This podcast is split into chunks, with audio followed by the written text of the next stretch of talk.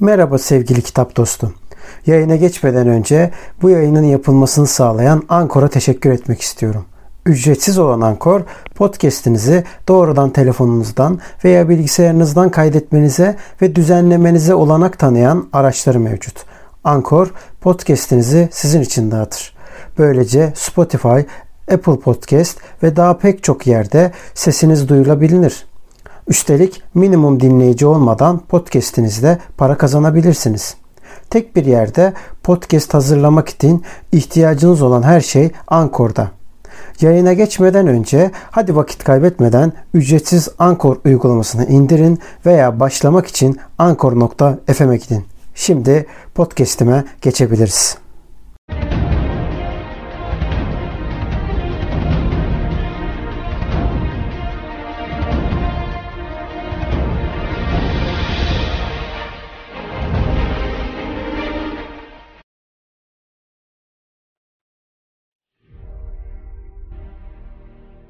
Selamlar. Kitap Dedektifi Haber'e hoş geldiniz. Bugün size her hafta yapacağımız edebiyat haberlerini sunmaya çalışacağız. E, kamera arkasında da Uçan Salyangoz var. Selam Uçan Salyangoz. Merhaba. Ne haber? İyi. Sen nasılsın? İyidir sağ ol. Peki o zaman bize yeni yazar tanıtımı ile ilgili bilgi verebilirsin. Tamam. Mesela benim elimde şu anda dikkatimi çeken, çok daha fazla dışarıda göremeyeceğiniz bir yazarımız var. Deniz Poyraz. Deniz Poyraz'ın iletişim yayınlarından daha bu ay çıkan bir 140 sayfalık küçük öyküsü var. Bir tane öykü var içinde. Bu öykülerde isterseniz eğer bir kuble okumak isterseniz kitabın içerisinde iletişim yayınlarının sitesine girip yani iletişim.com.tr'nin içine girip Oradaki pdf'ten örneğine de bakabilirsiniz. Kitaptan bir arka kapaktan peyzaj okumak istiyorum size kısaca. İşçi servisi durağa yanaştı mı sokağın hareketi evlerin beton duvarları arasına çekilir. O kadersiz curcuna akşam haberlerine sevimsiz iklimi altında kaybolup gider. Dip dibe apartmanların aynı boşluğa bakan mutfaklarında yemek kokuları birbirine karışır.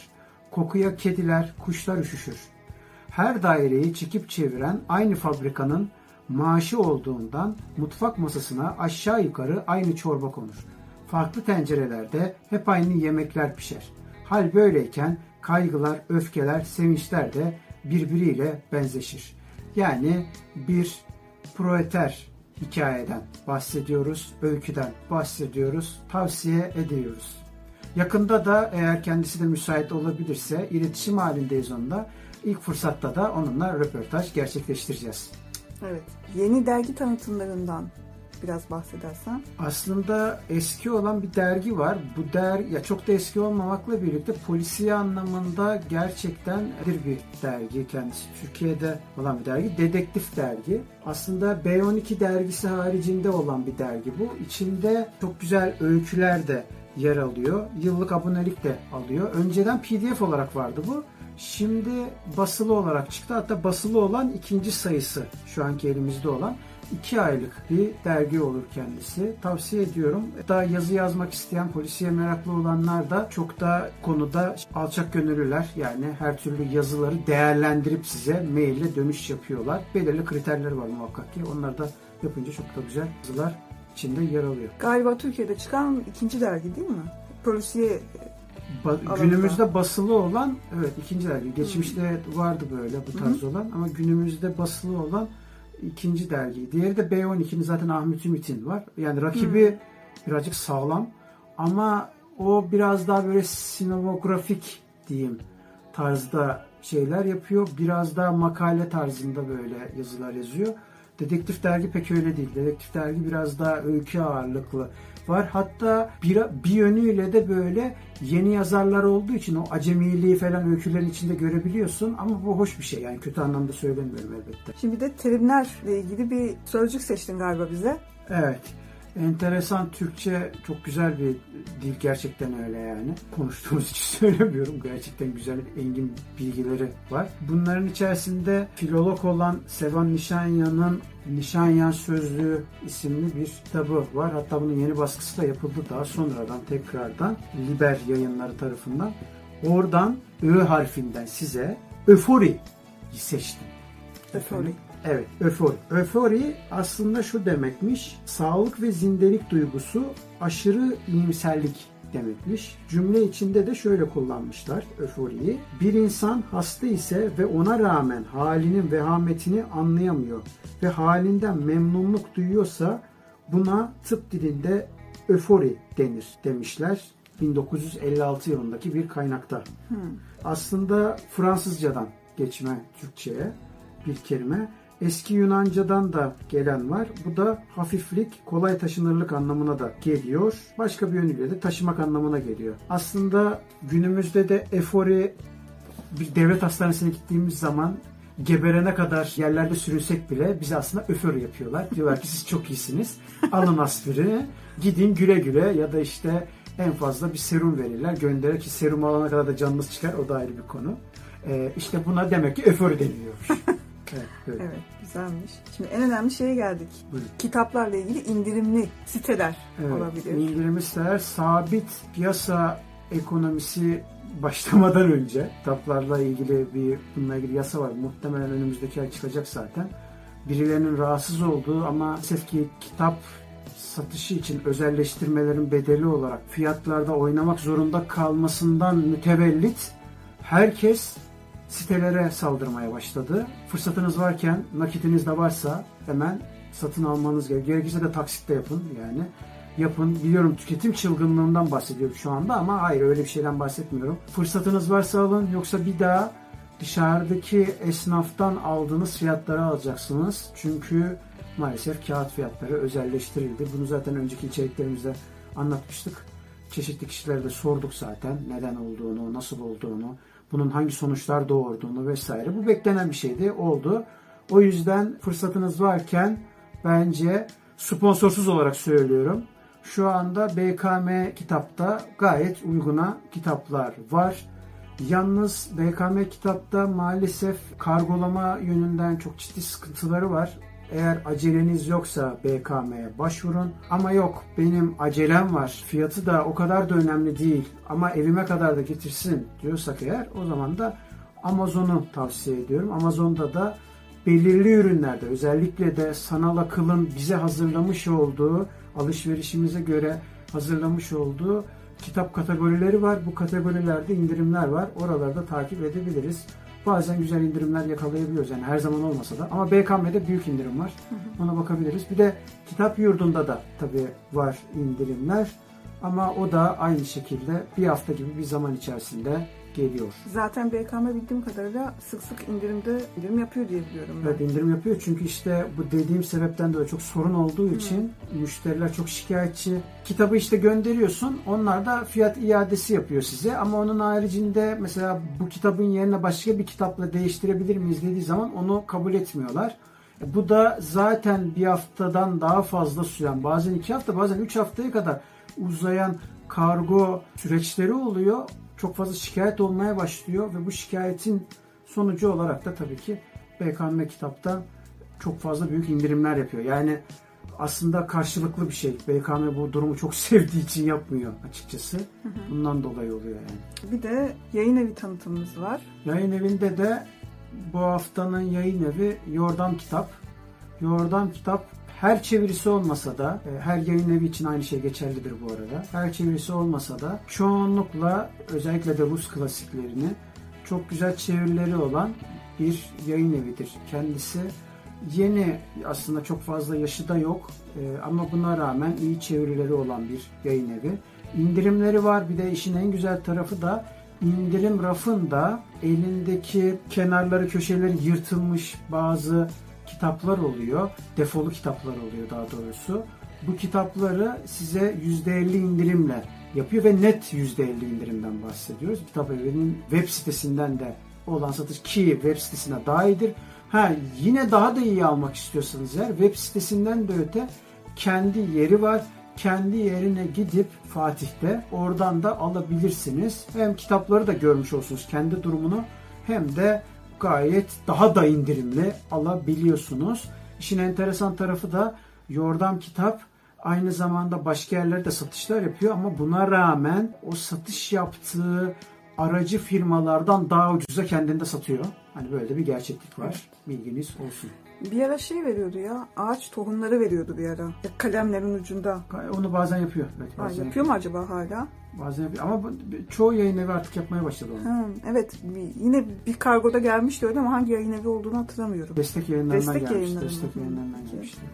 E, güzel oluyor yani böyle arada ağaçlarla ilgili tohumlar gönderdiklerinde. Evet, Şimdi sırada yazar röportajı var. Yazar röportajı da bu da yine Dedektif Dergi'den vereceğim. Bu arada şunu da belirtmek istiyorum. Her zaman güncel bir röportaj vermeyebiliriz. Geçmişteki röportajları da verebiliriz. Geçmişte yapılmış mesela Orhan Veli'nin güzel röportajları var. Ne bileyim Sa- e, Sait Faik Abasıyan'ın bir röportajı var. Nazım'ın var, Orhan Kemal'in var. Geçmişte yapılanlar. Bunlar gün yüzüne çok çıkmamış, çok bilinmeyen kitaplar. Onlarla da yapılan röportajları çıkartmaya çalışacağız. Bu aslında Dedektif Haber'de. Aynı zamanda da zaten içeriklerimiz devam edeceği için yani bunlar haricinde de içeriklerimiz devam edeceği için o içeriklerde de vardır. Şimdi konumuza dönecek olsak eğer Dedektif Dergi'de Erol Üye Pazarcı'yla yapılan bir röportaj var. Şimdi telif yemeyelim. O yüzden içini göstermeyeceğim. Ama sadece şunu söyleyeyim. Size göstermeden söyleyeyim. Korkmayınız Mr. Sherlock Holmes. Türkiye'de polisiye romanın öyküsü 1881-1928 kitabının yazarı kendi deyimiyle daha doğrusu sahafların deyimiyle iki tane tuğla yazdım diyor kendisi. Polisiyenin aslında ne kadar önemli olduğunu ve sadece iyi vakit geçirmek için değil aslında toplumsal bir gerçekçiliği de anlattığını sadece insanların kendi içinde yaşadığı o cinayet işleme duygusu, dürtüsü, o kötülüğün dürtüsünden ibaret olmadığını anlatıyor Erol Bey. Ve bunun yanında da kütüphanesinden e, şunu da belirtiyor. Yaklaşık 30 bin kitabı varmış. Bu 30 bin kitaptan 3000 kadarı da polisiye kitaplardan oluşuyor ki bunun iki tanesi de Abdülhamid'in biliyorsunuzdur. Yıldız Sarayı'nda özel el yazmalı polisiye kitapları var. E, kütüphanesinin üçte biri bunlardan oluşuyordu. O kitapların iki tanesi Erol Bey'in kütüphanesinde mevcutmuş. O yüzden bu kadar da böyle de bir koleksiyoner aynı zamanda. Ama sadece koleksiyoner değil, aynı zamanda okuyan da bir insan. Keyifli bir polisiye röportajı istiyorsanız eğer hemen Dedektif Dergi'yi alabilirsiniz. Erol Bey dediğiniz bu derginin üzerindeki amcamız mı? Evet. Heidi'nin dedesine benziyor. Yanakları kırmızı. Çok şirin. Yani böyle birisinin de polisiye yazması biraz şey. Polisiye durmuş. üzerine, kendisi polisiye yazmıyor. Hmm. Polisiye üzerine yazılar yazıyor. Üzeri, ha anladım. Araştırma, inceleme yapıyor yani. Evet. biraz daha okumayı seven bir insan. Yani kütüphane yaptım bizde meşhurdur çünkü kütüphane kastırma yeni bir moda başladı biliyorsun Hı hı. yani. İşte efendim benim bu kadar kitabım var. Ben bu sene bu kadar okudum. Bu sene şu kadar okudum. İşte bu kadar görüyor musun? Ben bu kadar entelektüelim. Sanki bir anlam ifade ediyor da hani enteresan bir şekilde bir yarış haline döndü bu iş. Evet bir de şey da veya işte farklı yerlerde şey paylaşıyorlar işte 10 dakikada şu kadar kitap okunuyor veya işte 2 günde şu kadarcık kitap okunuyor diye bir de şey paylaşımlar oluyor. Ha bunu da ben çok mantıklı bulmuyorum. Neye Ya bazı- göre Mesela teori kitabı okursun. Hı hı. Benim hayatımın yarısı teori kitabı okumayla geçti zaten. Teori kitabı okursun. Teori kitabını bir kitap okursun 3 ayda bitiremezsin. Ama bir kitap okursun ince ya da kalın olması fark etmeksizin bir günü boş ver yarım günde biter. Yani şimdi kitabın içeriğine bağlı, kitabın yoğunluğuna bağlı, ne anlattığına bağlı, senin ne anladığına bağlı, senin o sırada hangi koşulda olmana bağlı. E o zaman şey yapmamak lazım. Yani ben şu kadar zamanda bu kadar kitabı bitirdim, bu kadar zamanda o zaman bitiririm. Bu nedir? Ortalama yürüyüş mesafesi midir? evet Yani bu metre midir? Bu kadar zamanda bu kadar gidiyor. Bazı yazarlar vardır. İnanılmaz ağır yazar. Mesela işte e, hemen önümde duran mesela tesadüfen önümde duran Suç ve Ceza mesela Dostoyevski'yi okuyoruz. Kalınlığına bakmadan bazen okursun ama o psikoloji öyle bir ağırdır ki bu yaşadığın psikolojiyi anlatmak ve onu yaşamak hissiyatı sadece 5 sayfa okursun inanılmaz bir travma yaratır. Hani şeyin dediği gibi ne zaman Dostoyevski okuduk Cemal Süreyya'nın dediği gibi o zamandan beri huzurumuz yok diyor. evet Gerçekten de böyledir yani. Ama şimdi e, bunu niye diyor? Çünkü en ince ayrıntısına kadar anlatıyor bunu. E, ama anlatmaya da bilirdi. Ne bileyim işte mesela yakın zamanda okuduğum, beğenmediğim bazı kitaplar var. O kitapları okuduğum zamanki bana bıraktığı hissiyat mesela alıyorum atıyorum kenara. Halbuki incecik kitap. Ha mesela bu bir pipo değildir kitabı vardı. Bir felsefe kitabıydı. Toplamda da 30 sayfa mıydı 40 sayfa mıydı neydi? Bitmedi kitap. İki hafta boyunca bitmedi. Ama sadece ona odaklanıyorum. Çünkü tüm birikimini metaforlarla oraya aktarmış. Şimdi bu biter mi? Bitmez. E şimdi sorsan ama ben günde bin küsur okuyorum. İyi halt diyorsun. Yani konu onu okumak değil ki. Konu onu sindirmek. Ya mesela Küçük Prens'i okuyoruz. Podcast'ini yaptık bunu işte e, Uçan Salyangoz'la. Yapmış olduğumuz podcast'te de mesela kitabın ne kadar derin olduğunu, ne kadar metafor üstüne metafor olduğunu söylüyoruz. Ama okuyunca yarım saatte bitti. E şimdi önümüzde başka bir şey daha okuyacağız. Bunlara da baktığımız zaman, tartıştığımız zaman kitaba bakıyorsun. 10 dakikada bitti. Ya biter de kardeşim. Sana bıraktığı etki nedir? Ya da öbür sene okuduğun zaman yeni öğrendiğin birikimlerle neler sana kazandırıyor? Bıraktığı nedir? Dolayısıyla bunların hepsi çok önemlidir. O yüzden kitabın sayısı değil, okuduğun kitap sayısı değil. Önemli olan niteliğidir. O nitelik bize neler bıraktı? Öbür türlü tüketici çılgınlığından başka hem de işin trajikomik tarafı da kitap okudukça tüketimden ayrılmamız gerekirken kitap okudukça daha çok yarışa giriyoruz ve daha çok şey yapmaya başlıyoruz. Ne kadar çok kitap okuduk diye sayı olarak belirtmeye başlıyoruz. Halbuki eleştirdiğimiz şey ve karşı durmamız gereken şey tam olarak bunun tam tersi olması lazım. Evet. Bir de şey var. Şimdi kitap sayısını artık bıraktılar. Şimdi sayfa e, haftada haftalık sayfa çizelgesi tutuyorlar mesela. Bir kitap okuyacaklar. İşte bugün şu kadar sayfa okudum. Bugün bu kadar sayfa okudum. Bir tik işareti atıyorlar. Ben bunun mantığını çözemedim yani. Yani niye Onları okudun? kapitale davet ediyorum. Okudun sayfa Ha, aynen. Onları Ha. kapitale davet ediyorum. Kapitali bir okusunlar bakalım bir sayfayı kaç ayda okuyorlar. Hayır mantığını çözemiyorum yani sen okuduğun sayfa sayısı mı önemli bir günün içinde?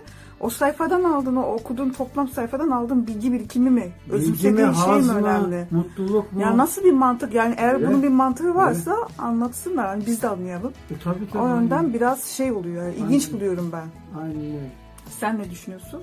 İşte az önceki söylediklerimi düşünüyorum. Aynen. Daha fazla Sorayım konuşmuyor. dedim. Daha fazla konuşmuyor. Tamam. Okçunun yolu. Her okun uçuşu farklıdır. Bin ok atarsan bini de sana farklı bir yol gösterecektir. Okçunun yolu işte budur. Ülkenin en mahir okçusu Tetsuya bir köyde mütevazi bir marangoz olarak yaşamını sürdürmekteyken bir gün uzak diyarlardan gelen bir okçu ona meydan okur.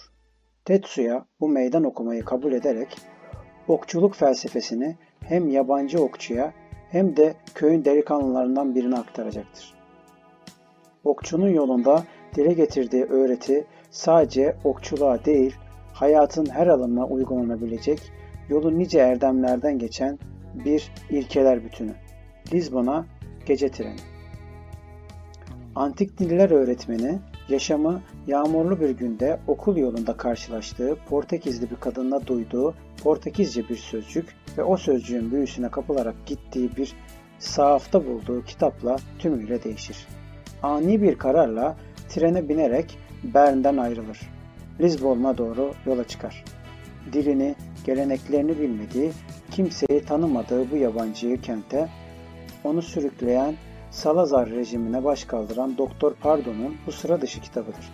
İzini sürdüğü doktor, hayat, aşk, yalnızlık, özveri, cesaret, ölüm ve zorbalıklarla ilgili notları kendi sınırlı iç dünyasından koparıp hayata bambaşka bir pencereden bakacağı içsel bir yolculuğa çıkarır. Volga Kurgu yapıtlarında genç kadınları erkeklerle ilişkileri çerçevesinde geleneğin dayattığı sınırlayıcı roller karşısında tamamlanmış ve bağımsız bir kadın kimliği oluşturma çabası içinde tasvir eder. Bugünün feminist söyleminin inşasının ilk adımları olarak görülebilecek bu yapıtlar 20. yüzyıl başında geniş bir okul kitlesine ulaşmıştı. Yazar, kadınların hayatında hassas bir süreç olan çocukluktan yetişkinliğe geçiş dönemi de mercek altına almıştı. 1895 tarihli romanı Ruth'un büyük bir ilgiyle karşılamasının ardından yapıtlarında psikolojik ve felsefi boyutlarıyla ele aldığı kız çocuklarının ergenlik dönemi konusunda farkındalık oluşmasına katkıda bulundu. Volga 1902 yılında yayınlanan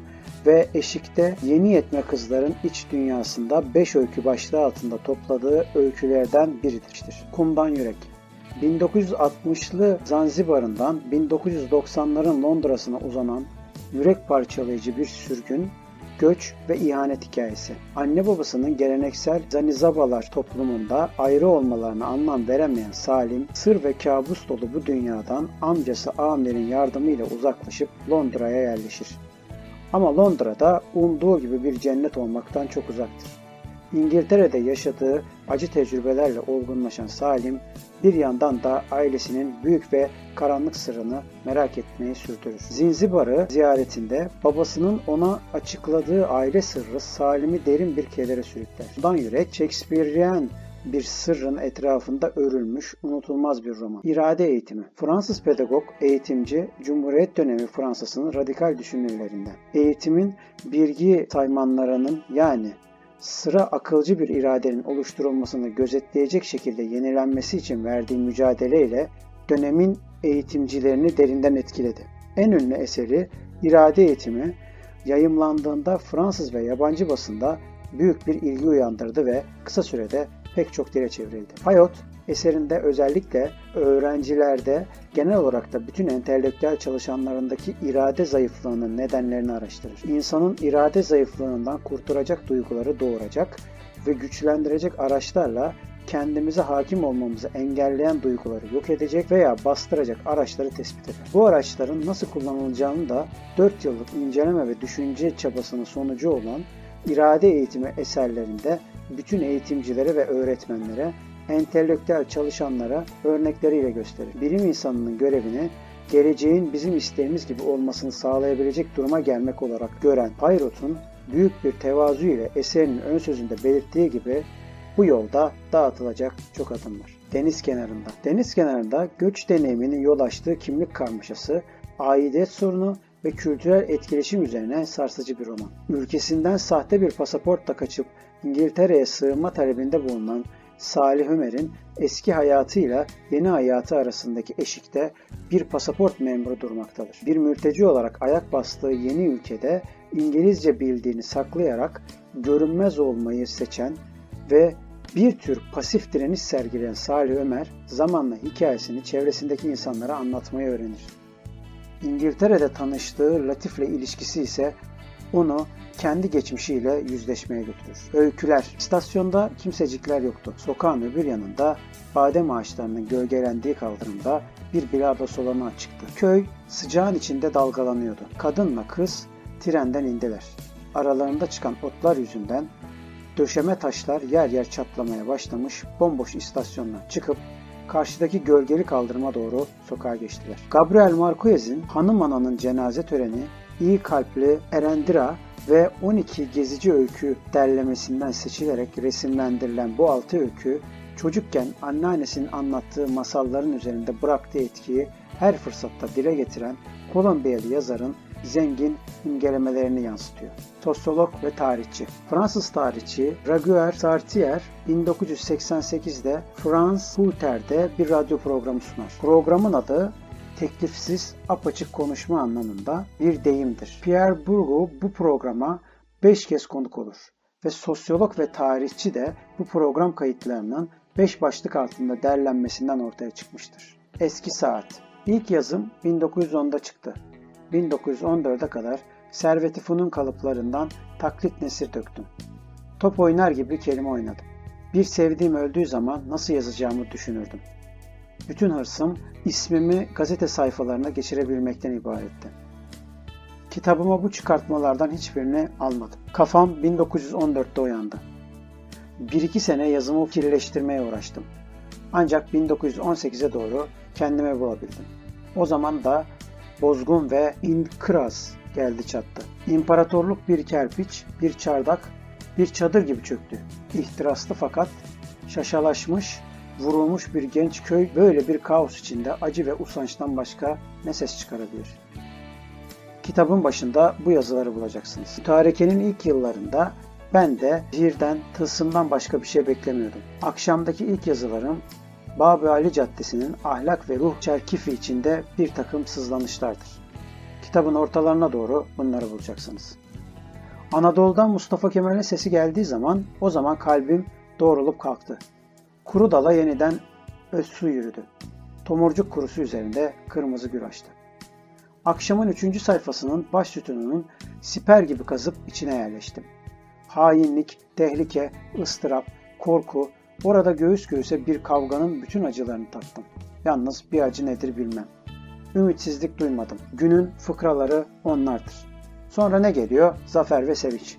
1917'de ihtiyarladım. 1922'de ilk gençliğe kavuştum.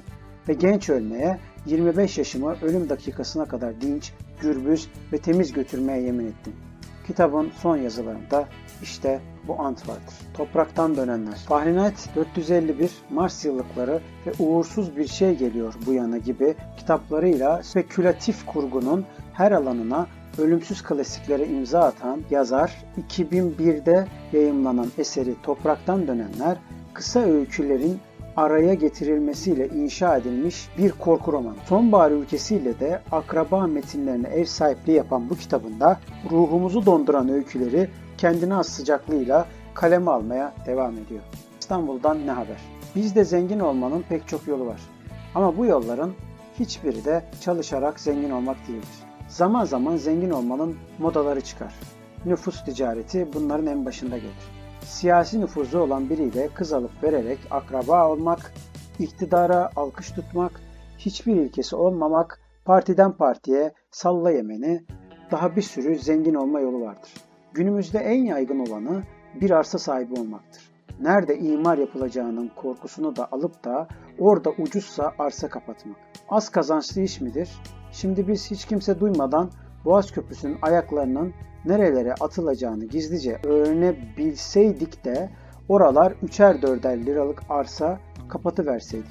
Efendim milyoner olmuş gitmiştik. Hem memleket imar olur hem de biz mamur olurduk. Tamam, her hafta artık böyle devam edeceğiz. Dedektif Haber'den bu haftalık bu kadar. Önümüzdeki içerikte görüşmek üzere. Kendinize iyi bakın. Kendinize iyi bakın.